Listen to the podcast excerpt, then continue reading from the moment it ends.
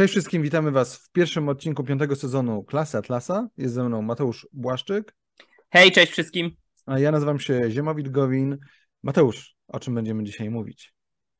Dzisiaj rozpoczynamy cały nowy sezon i cały nowy temat, jakim jest polityka, filozofia polityki w ujęciu Ayn Rand, ale zanim przejdziemy do polityki e, sensu stricto, musimy zrobić pewien pomost, pewne przejście pomiędzy tematami, które już poruszaliśmy, a tymi nowymi. Ponieważ, y, jak mam nadzieję, wiadomo już Wam, y, nic w filozofii obiektywizmu nie wisi w próżni, nic nie jest y, zawieszone w nicości sobie amuzą, tylko wszystko jest połączone i wynika jedno z drugiego i jest od siebie współzależne. I tak też polityka nie jest ani punktem wyjścia dla rozważań Ayn Rand o y, świecie i społeczeństwie, mm, ani nie jest czymś niezależnym od jej rozważań metafizycznych, epistemologicznych, etycznych.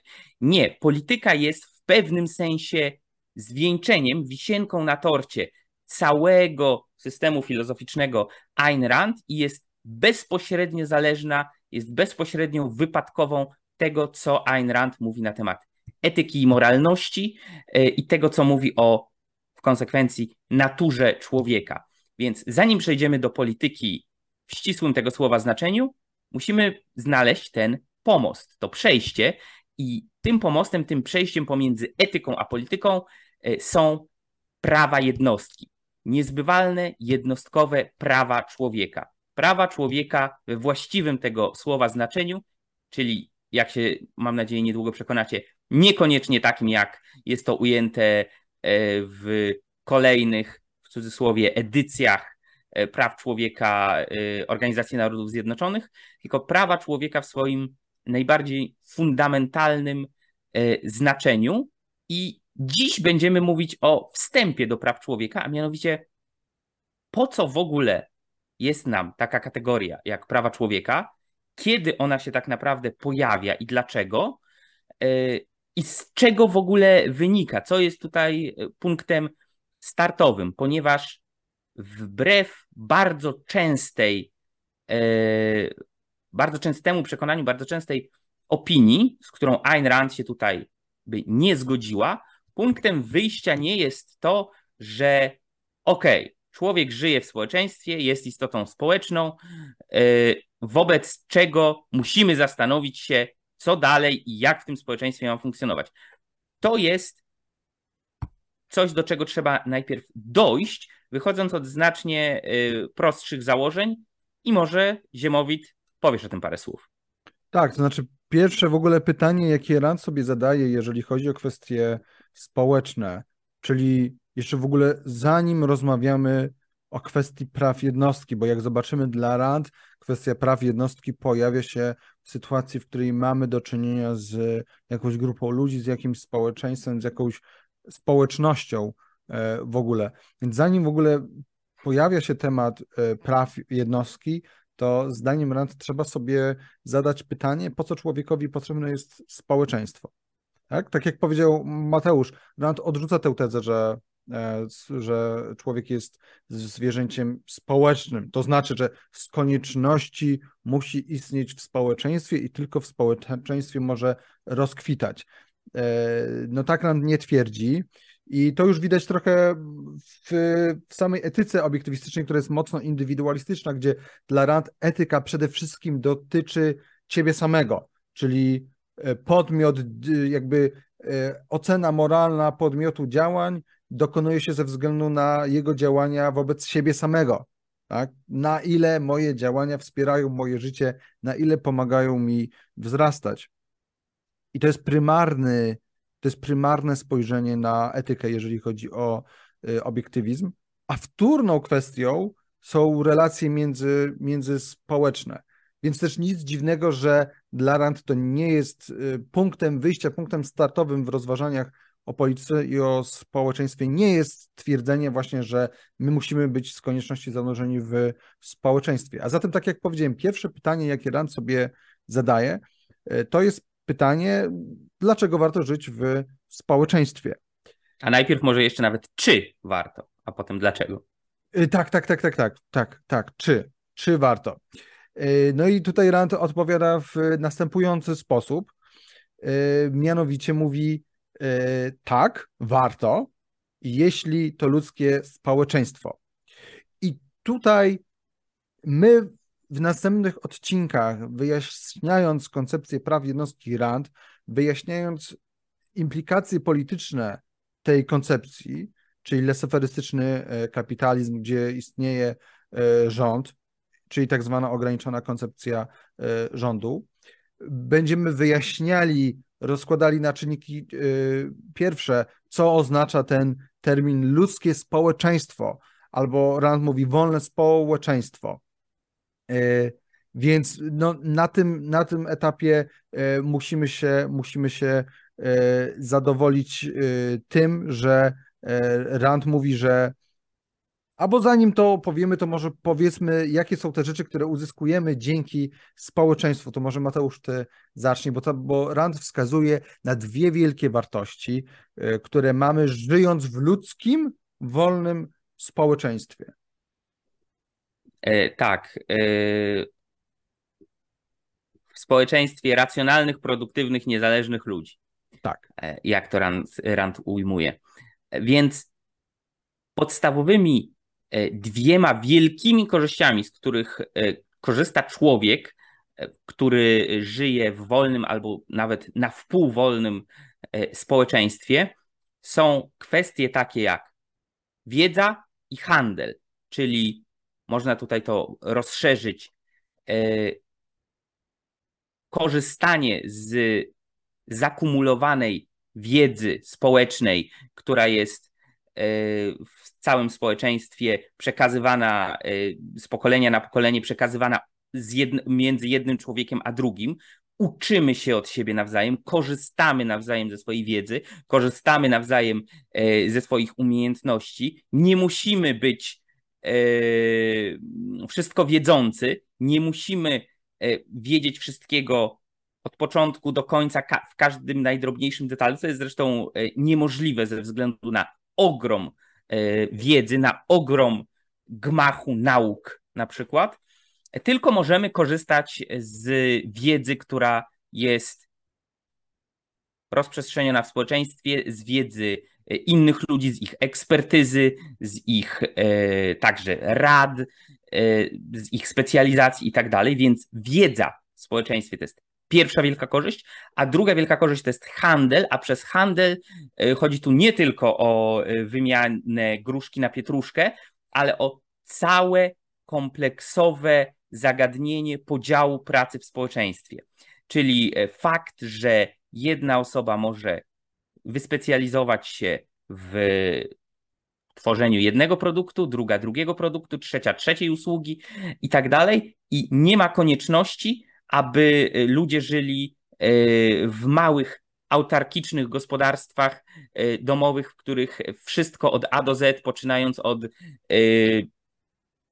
uprawiania zbóż, przez wznoszenie domów, Y, robienie mebli, y, szycie ubrań i tak dalej, i tak dalej, muszą robić sami, tylko mamy do czynienia z podziałem pracy w społeczeństwie. Każdy może wyspecjalizować się y, w jednej, drugiej, trzeciej, czwartej, piątej dziedzinie i wchodzić w obopólnie korzystne interakcje z innymi, interakcje na zasadzie win-win, gdzie E, jedna osoba może szyć te buty, druga osoba może łowić te ryby, e, wymieniają się nawzajem i dzięki temu e, jeden i drugi na tym korzysta i dobrobyt jednego i drugiego rośnie. Więc wiedza i handel, czy korzystanie z ekspertyz innych, z wiedzy innych oraz korzystanie z dobrodziejstw podziału pracy, to są dwie takie najbardziej fundamentalne korzyści, jakie zapewnia człowiekowi życie w społeczeństwie. Tak, i warto tutaj powiedzieć, przytoczyć taki cytat e, z Rand, w którym mówi ona: Człowiek nie jest ani samotnym wilkiem, ani zwierzęciem społecznym. Jest zwierzęciem e, kontraktualnym, tak, czy kontraktowym. Czyli to jest to, co Mateusz powiedział a propos podziału pracy w społeczeństwie, że człowiek E, wchodzi w interakcje dobrowolne z innymi ludźmi dla obopólnej korzyści, tak? czy wymiany usług, wymiany, generalnie jakiejś wymiany wartości. E, zresztą o zasadzie o trader principle będziemy jeszcze mówić, tak? W zasadzie wymiany. Czy właściwie to, co po, jakby dosłownie jakbyśmy to tłumaczyli, to byłaby to zasada kupca, tak? Kupca. Tak, ale to, nie, to nie, chyba nie brzmi ładnie. Wolę zasadę wymiany jednak. Więc yy, to jest też istotne, żeby podkreślić, że y, z punktu widzenia Rand, yy, Rand nie proponuje czegoś, co się często tworzy się takiego chochoła, nie wiem, czy Mateusz się z tym spotkałeś, E, że, że obiektywizm głosi jakiś atomizm społeczny, że jednostka jest zupełnie oderwana od wszelkich interakcji z innymi ludźmi, tak? E, I, y, no i to nie jest e, prawda, tak? No, Rand zwraca uwagę na to, że człowiek żyjąc w społeczeństwie, które jest wolne lub jak do tego dojdziemy, przynajmniej częściowo wolne, generalnie może o wiele więcej, ma o wiele większe możliwości niż gdyby żył na bezludnej wyspie lub na jakiejś takiej, wiecie, samopodtrzymującej się farmie, nie? że on wszystko tam e, mu, wy, mu wyrośnie, ma tam jakieś zwierzątka i nie musi z nikim e, handlować. No to w wolnym społeczeństwie, w którym jest zwłaszcza, zwłaszcza po e, rewolucji przemysłowej, e, zwłaszcza e, gdy ma jakby ludzi, którzy się specjalizują w, w, różnych dziedzinach. Generalnie jest to cała gospodarka, taka jak gospodarki, no, które mamy dzisiaj, no to jest mu o wiele lepiej, tak? Może robić tysiąc razy więcej e, rzeczy i ma łatwiejszy dostęp też oczywiście do wiedzy. Mm, I to wszystko się właśnie zawiera w tym twierdzeniu, że człowiek jest istotą e, tą kontraktową, tak? Czyli, że właśnie wchodzi w te dobrowolne interakcje z innymi ludźmi, dla obopólnej korzyści, a przynajmniej, że może to robić i to jest w jego interesie, tak? E, no bo oczywiście inną jest sprawą to, czy na przykład jest w interesie człowieka, żeby żyć w społeczeństwie jakimkolwiek. No to już powiedzieliśmy, że nie, że chodzi tu o wolne społeczeństwo. Wolne społeczeństwo, jak będziemy tłumaczyć w przyszłych odcinkach, to, to jest takie społeczeństwo, w którym wyrugowana jest, w którym wyrugowane jest użycie przemocy fizycznej. E, czy inicjowanie e, przemocy fizycznej. I to będziemy tłumaczyć, jak to się ma do praw jednostki. Natomiast już na tym etapie, na tym wstępnym, na etapie pytania, czy warto żyć w, w społeczeństwie rand, mówi tak, jeśli jest pewien warunek. Więc gdybyśmy, czy warto żyć, czy lepiej żyć na bezludnej wyspie, czy w trzeciej Rzeszy lub w Związku Sowieckim, lub nawet w dzisiejszej Rosji, czy w Korei Północnej, no lepiej żyć na bezludnej e, wyspie, tak, a, lub po prostu, gdy się znajdziemy w takim społeczeństwie, jak najszybciej z niego uciec. E, no najlepiej do jakiegoś innego, bardziej wolnego. E, więc tak. to jest istotna rzecz. Mateusz? Yy, tak, ja bym, ja bym tylko dodał jeszcze a propos tego, że człowiek jest istotą yy, kontraktową czy kontraktualną. Kontraktualna się może źle kojarzyć, bo się może kojarzyć z kontraktualizmem.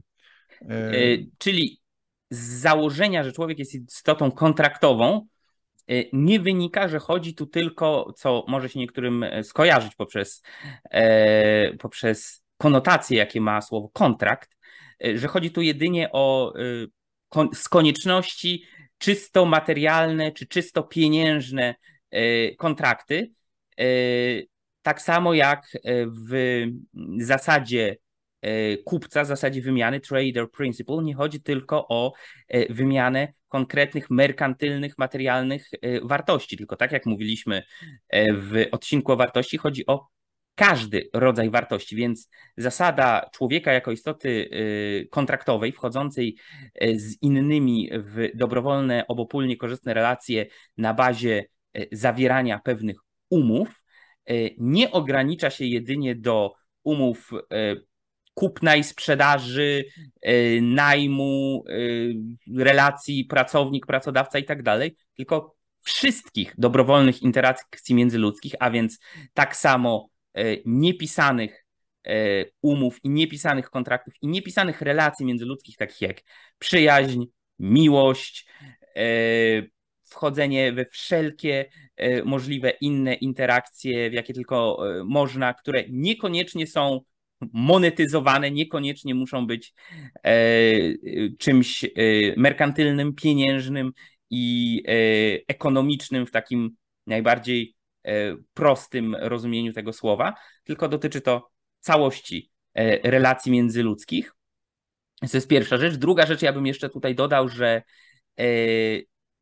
Ayn Rand z faktu, że mówisz, że człowiek ani nie jest e, bezludną wyspą, czy tym e, wilkiem samotnikiem, ani nie jest e, z konieczności ze swojej natury zwierzęciem społecznym czy stadnym, nie wynika z tego, że ona odrzuca kontekst w jakim e, człowiek żyje. Wręcz przeciwnie, tak jak mówiliśmy w poprzednich sezonach, kontekst filozofii obiektywizmu, także kontekst miejsca, czasu, warunków, kultury i tak dalej naszego życia jest bardzo istotny, więc e, jak najbardziej Ayn Rand tutaj rozumie, e, że człowiek rodzi się w konkretnym miejscu i czasie, w konkretnej rodzinie, kulturze i tak dalej, która, które to elementy mają na niego niebagatelny wpływ, natomiast założeniem jest to, że człowiek może wybierać i dokonywać wyboru i może oceniać także ten kontekst swojego życia, czyli kulturę, w której przyszedł na świat, rodzinę, w której przyszedł na świat,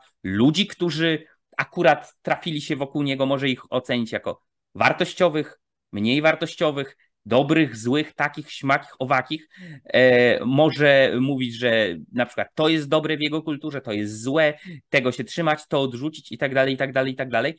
I może to robić, ponieważ jest człowiekiem, jest istotą o wolicjonalnej świadomości, jest istotą obdarzoną wolną wolą i mimo, że przychodzi na świat w kontekście, to nie jest spętany, nie jest zdeterminowany e, tym kontekstem, w jakim przychodzi na świat. Więc w tym sensie nie jest e, zwierzęciem stadnym, że stado e, z konieczności nie narzuca mu jednej, jedynej słusznej drogi. No i ostatnia rzecz, jeszcze tak mocno podkreślając to, co Ziemowit powiedział, a propos tego społeczeństwa, warto zwrócić uwagę, że myślenie o człowieku jako o istocie z konieczności społecznej bardzo często wiąże się i bardzo często prowadziło myślicieli e, społecznych do mniej lub bardziej wprost wyrażonej opinii, że tak naprawdę ten, nazwijmy to sobie przykładowy Robinson na bezludnej wyspie, czy nawet jakaś rodzina żyjąca sobie w domku na prerii z dala od innych, to tak naprawdę nie do końca są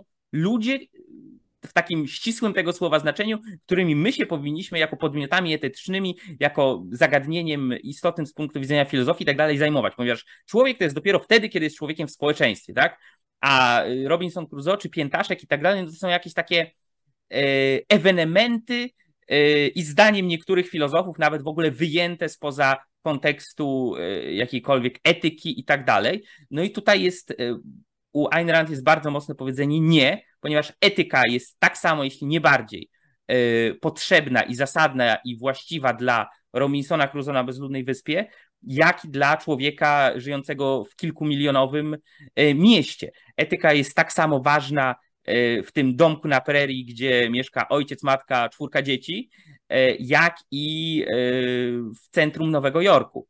Mm, I tak samo ze społeczeństwem, o ile społeczeństwo może być e, wielką wartością i wielkim wkładem, czymś dodanym e, do jakości życia człowieka, tak też e, nie jest czymś wartości, żadną wartością dodaną, kiedy mówimy o życiu w, spo, w społeczności w sowieckim łagrze, tak? albo niemieckim obozie zagłady.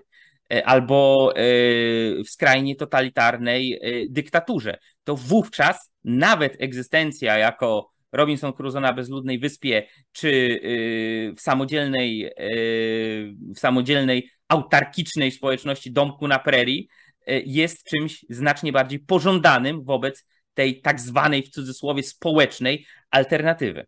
Tak, i to, co powiedziałeś wcześniej, mianowicie, że istotny jest ten kontekst, czyli E, to, że człowiek rodzi się w, się w pewnej społeczności, to warto podkreślić indywidualizm w obiektywizmie, czyli twierdzenie, że to jednostka jest e, tym podmiotem, który myśli, który dokonuje ocen, który ma wartości i do tych wartości dąży.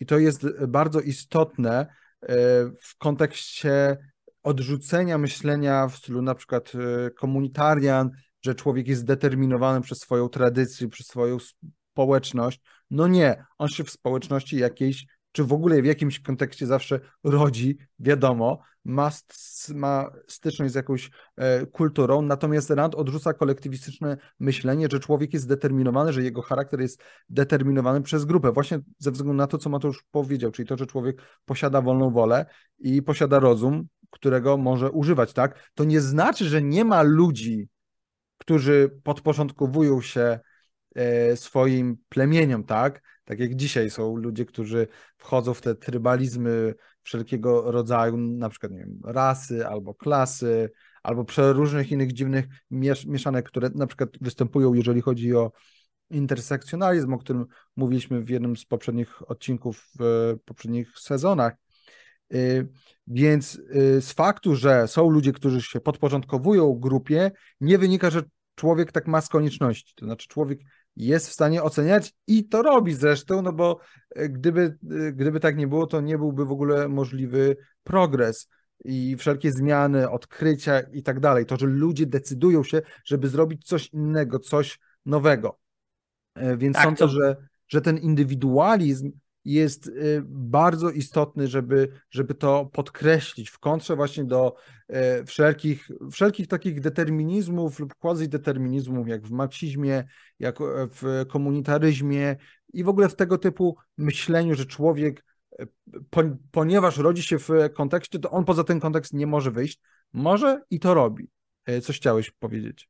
Tak, że tak jak powiedziałeś, że z faktu, że człowiek E, może się podporządkować e, bezwiednie, bezmyślnie e, instynktowi stadnemu i temu, co narzuca mu odgórnie w cudzysłowie, albo mniej, albo nawet bez cudzysłowa, bez cudzysłowia, jego własne plemię, nie, nie wynika, że tak być musi, to ja bym jeszcze dodał, że nawet gdyby większość ludzi tak robiła, a możemy się zastanawiać, czy tak jest, czy nie, mniejsza to jest inny typ rozważania, ale nawet gdyby większa część ludzkości w ten sposób funkcjonowała, nie wynikałoby z tego, e, że to jest A konieczne, B pożądane. E, więc e, filozofia mówi nam nie tylko o tym, jaki człowiek jest, w sensie w danym konkretnym momencie, jaka dana jednostka jest, tylko bardziej o tym, jaki człowiek być może, jaki jest jego potencjał. No i ponieważ e, w etyce obiektywistycznej jest mocny nacisk na cele, jakie stawia sobie człowiek, to jaki człowiek być może i jaki być powinien. Tak, więc tutaj kwestia tego, że większość jest jakaś, e, nie wpływa na to, że tak być powinno, że tak być musi i że tak być powinno. Więc tak, myślę, to też, że to też jest tak. dosyć istotna kwestia.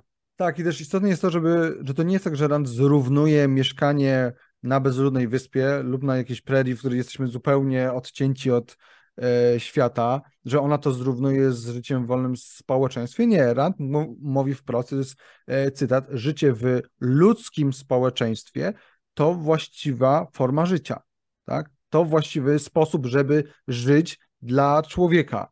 Mm, więc no właśnie dlaczego? Ze względu na te dwie ogromne wartości, o których wspomnieliśmy, tak?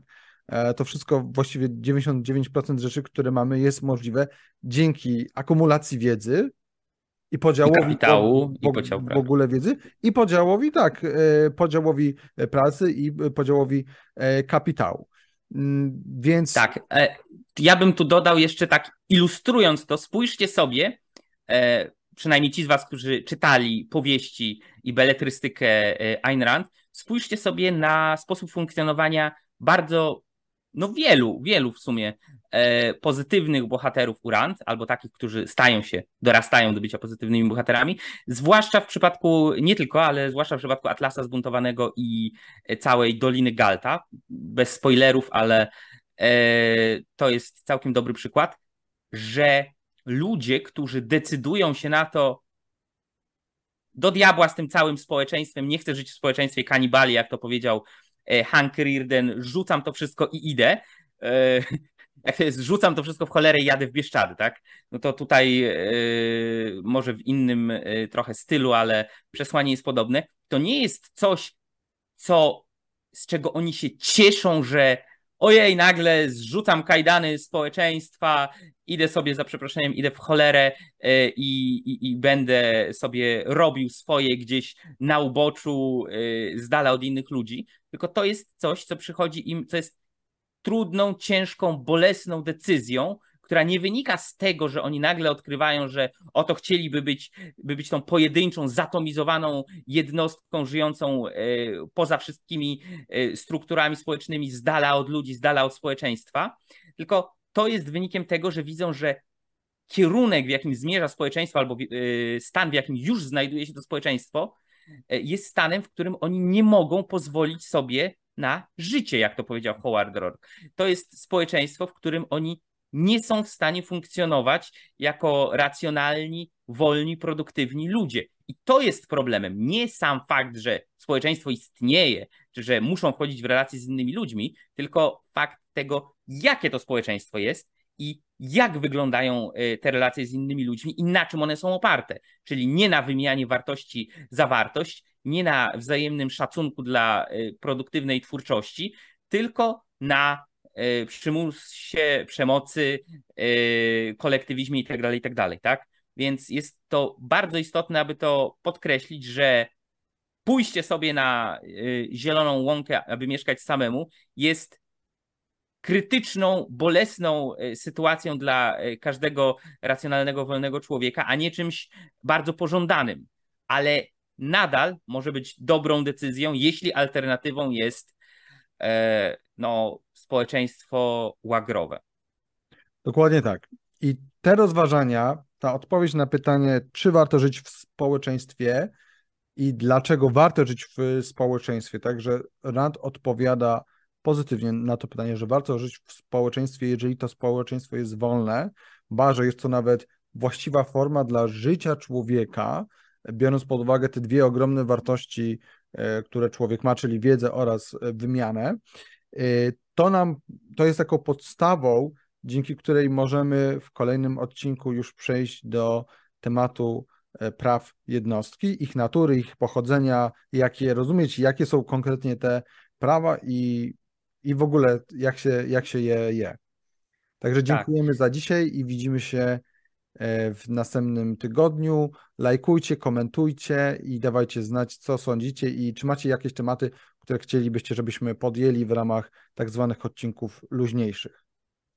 A ze mną był Mateusz Błaszczyk, ja nazywam się Ziemowit Gowin. Do zobaczenia. Do zobaczenia.